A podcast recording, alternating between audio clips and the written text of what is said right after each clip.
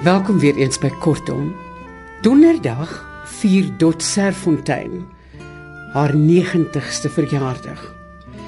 En om dit te vier, gaan ons vanaand na 'n lekker lang kort verhaal van haar luister wat Susan Beyers vir ons gaan lees. Die verhaal se titel is Vis en skyfies. En ek het dit gevind in die bundel Die laaste jagtog wat by Protea verskyn het. Lekker luister.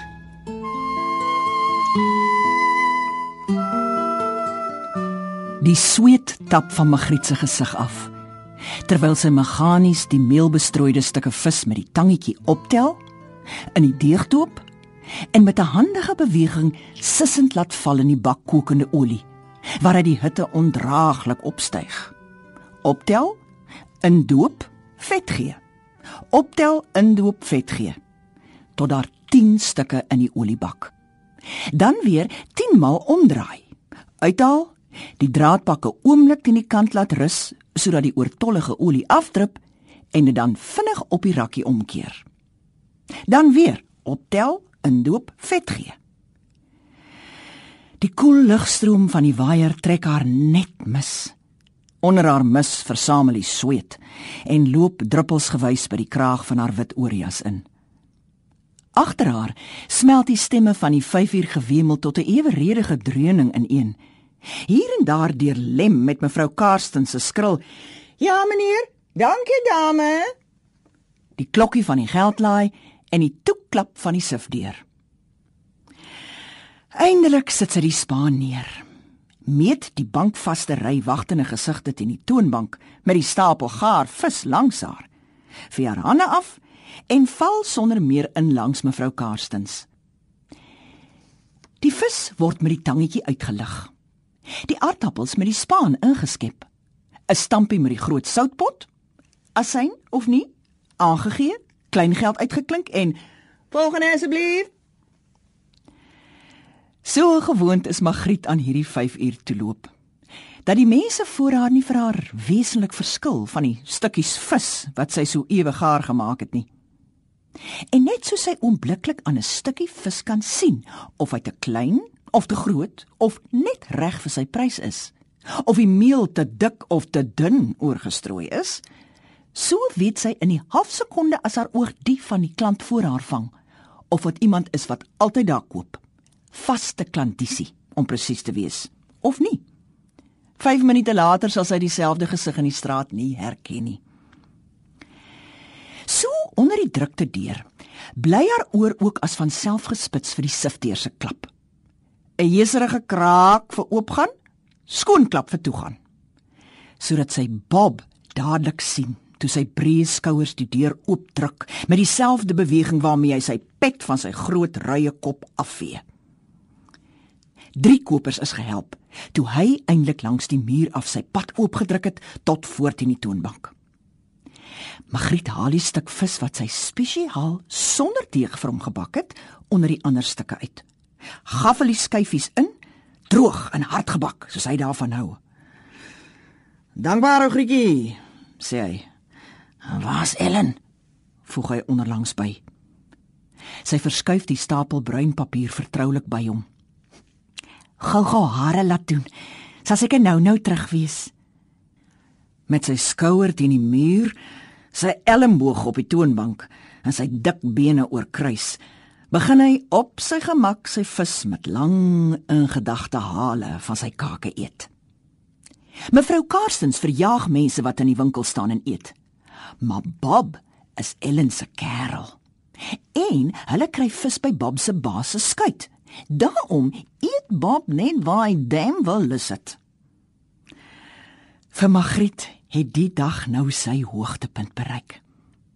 En terwyl sy haar werk deeglik verrig, volg sy nogtans in haar gedagtes elke stukkie vis na sy mond toe.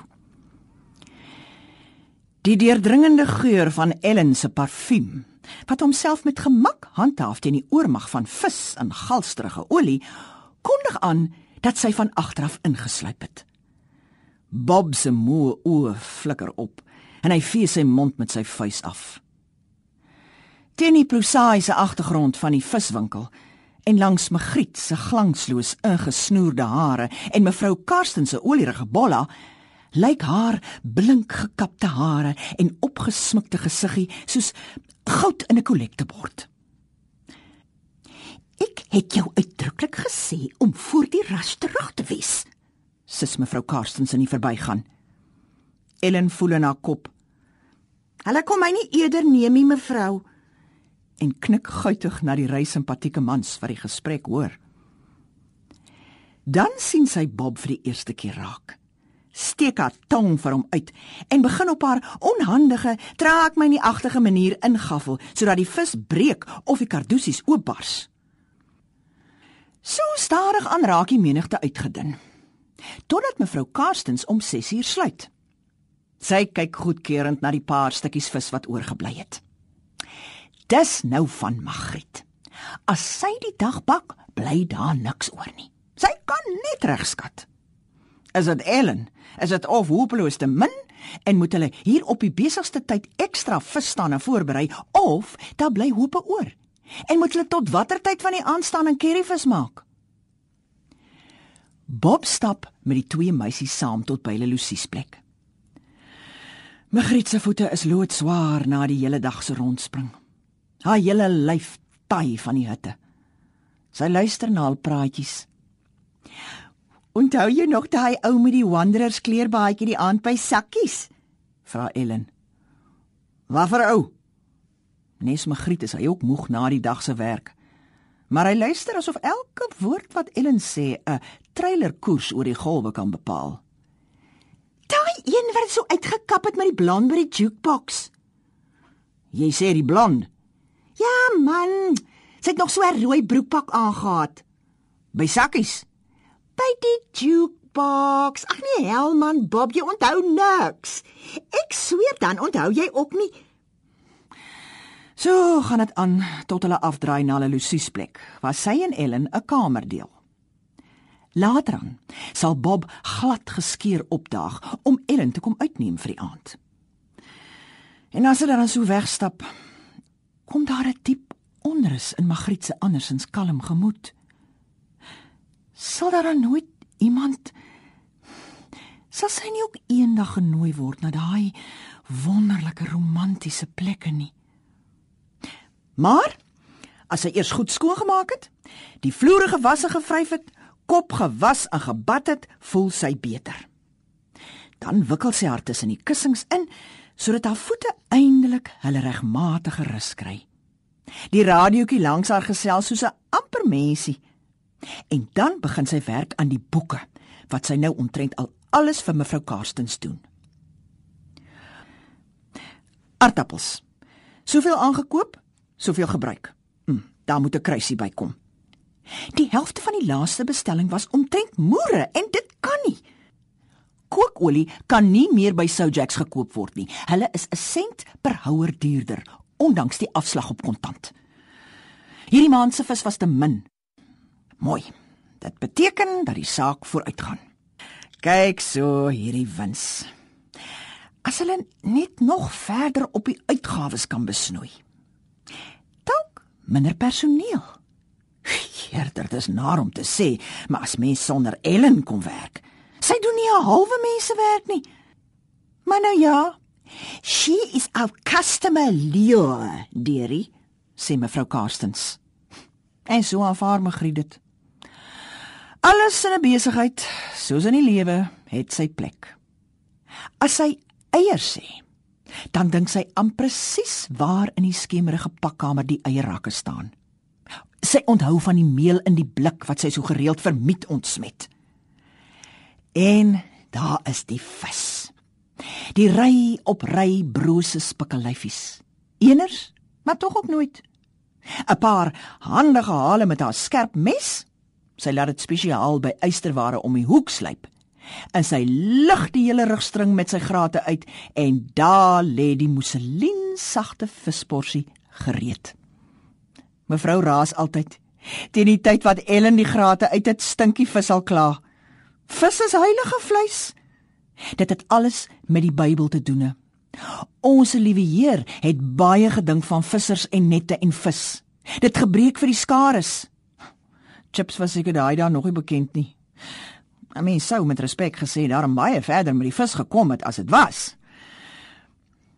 Hoe lyk Ellen se ou wêreltjie van dans en flieke rondjol nou vir 'n mens hier teenoor? Sy neerie saam met die radio en maak vir haarself kakao en doen oefeninge. Enige lekker iets. Maar snags as Ellen inkom, haar parfuum verslaan, haar hare deurmekaar en haar klere van sigaretrook deurtrek, dan tuimel die groot wêreld voor die ramshorings van die kleintjie. Hulle het byvoorbeeld weer by Sakkie Gryfenstein se plek gaan eet. Want daar ontmoet 'n mens al die nuwe ouens. Dit gaan lekker laf daar by die jukeboxe. Sakkie gee nie om as dit 'n bietjie rof gaan nie. En 'n mens is niks bang nie, want Bob is 'n fris ou. Die ander kan dan net so agteraf 'n bietjie chaaf. En later kom Ponti Sagrinus. Ponti is 'n Griek, baie aantreklik en geld lank. Hy's die man vir die weddery op perde en dinge. Ponti gee net altyd die wetkoerant vir Bob en dan gesels sy en Ponti diep dinge. Ponti is katoliek en kan nie skei nie. En daarom glo sy ook nie die stories dat hy dwelms verkoop nie. Daarna gaan hulle twee na Bob se kamer. Verlang. Sy vertel nie baie daarvan nie. Dit lyk nie of Bob in sy kamer soveel beter as Bob op straat is nie. Lank na Ellen met haar kop in haar staalharnas aan die slaap is, lê Magriet nog en merkou aan die vrolike lewe in Sakkie Gryfenstein se kafee en 'n donker minnaar soos Pontie Sagrinus. En dan in die kamer saam met Bob. Toe kom die aand waarop Ellen soos dikwels tevore met iemand anders uitgaan en die verskonings vir Magriet los. Ah, haar suster nee. Ha, verlede week was dit haar tante wat in die hospitaal was. Sy moet pasop dat sy nie volgende week self in die hospitaal lê nie. Maar regtig Bob, dit was alles onverwags. Anneggie het kom sê en sy moet haar tog gaan sien. Sy het gesê jy maak dit môre aand. Sy sal vroeg klaar maak. Gewoonlik brom Bob dan maar net en wy. Hy weet Ellen kan hom, maar hy's nou eenmal lam oor Ellen. Eendag sal sy tog seker aan ons laat staan. Maar daardie aand, sommer oor hy dikbek voel sê hy. Nou ja, terwyl jy so vir haar opsteek, staan maar apart ook en kom saam met my uit. Hoe meen jy? Al klaar half spyt, sê hy. As jy wil kan jy saamkom. Mens jy niks te doen het nie. Ek weet Ellen skrik af vrek as hy vanaand van die kastige suster afkom en sê hoor jy is toe saam met my uit. As sy dalk gehoop het. Tja, en dit sal 'n grap wees. Haar wange brand van vernedering omdat sy die uitnodiging nie van die hand gaan wys nie. Ek gooi net iets oor. So bevind Magriet haar dan eintlik aan Bob se sy by sakkies.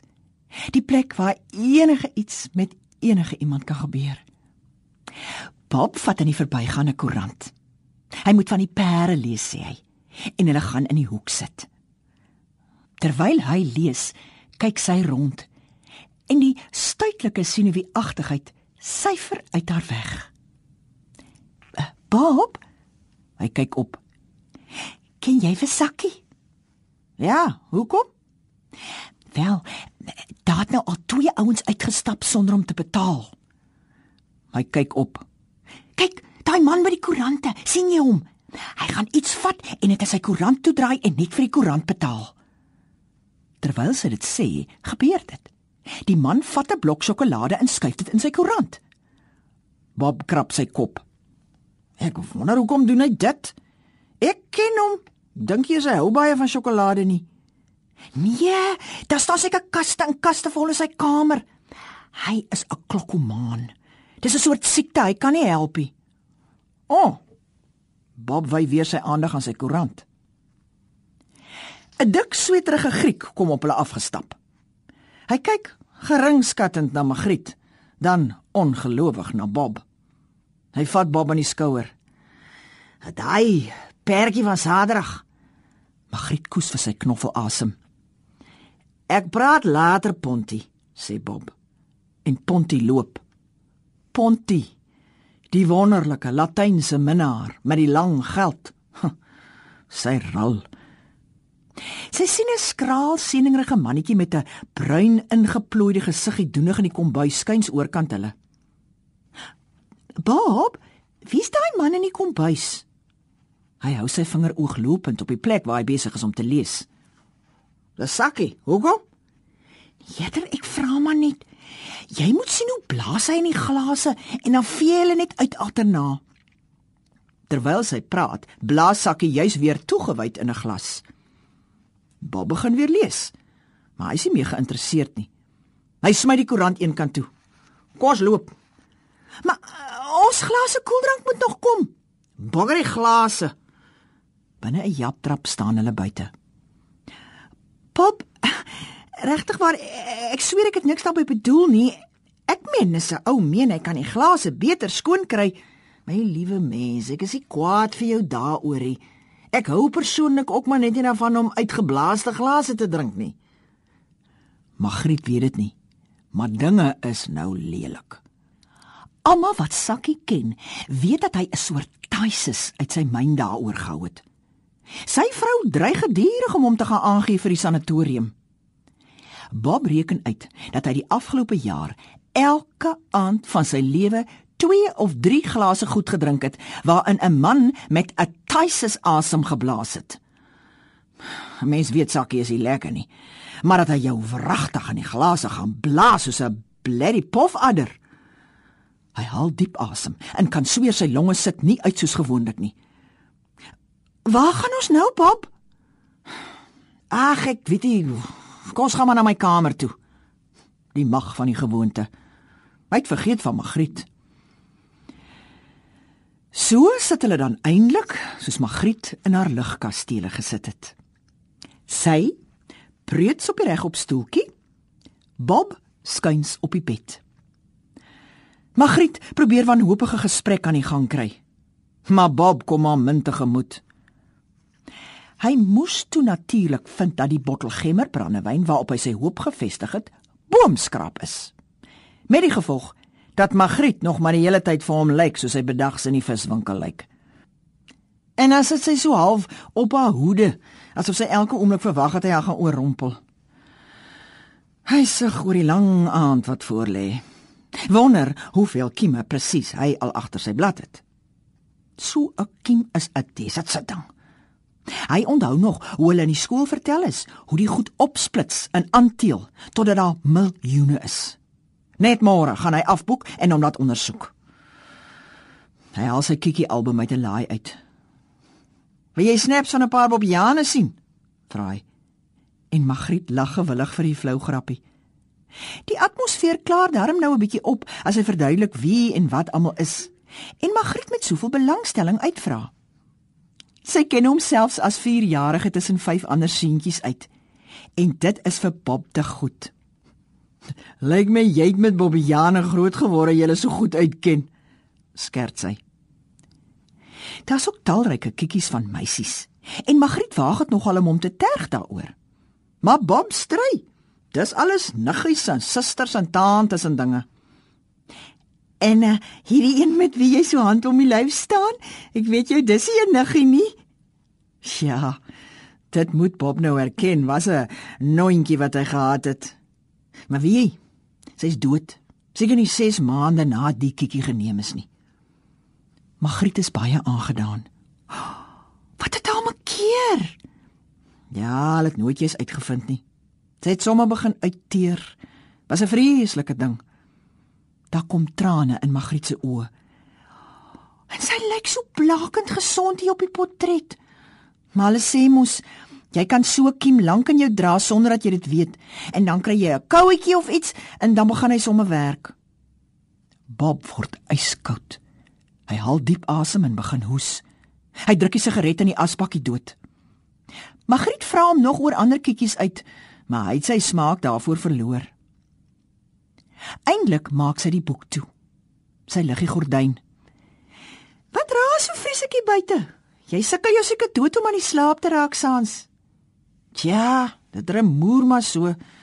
Die kamer is reg agter die kombuis sien. Saans hinder dit my nie maar. Soggens begin hulle mos hier teen 5uur se kant. Dan kan ek gerus die apiestype kry.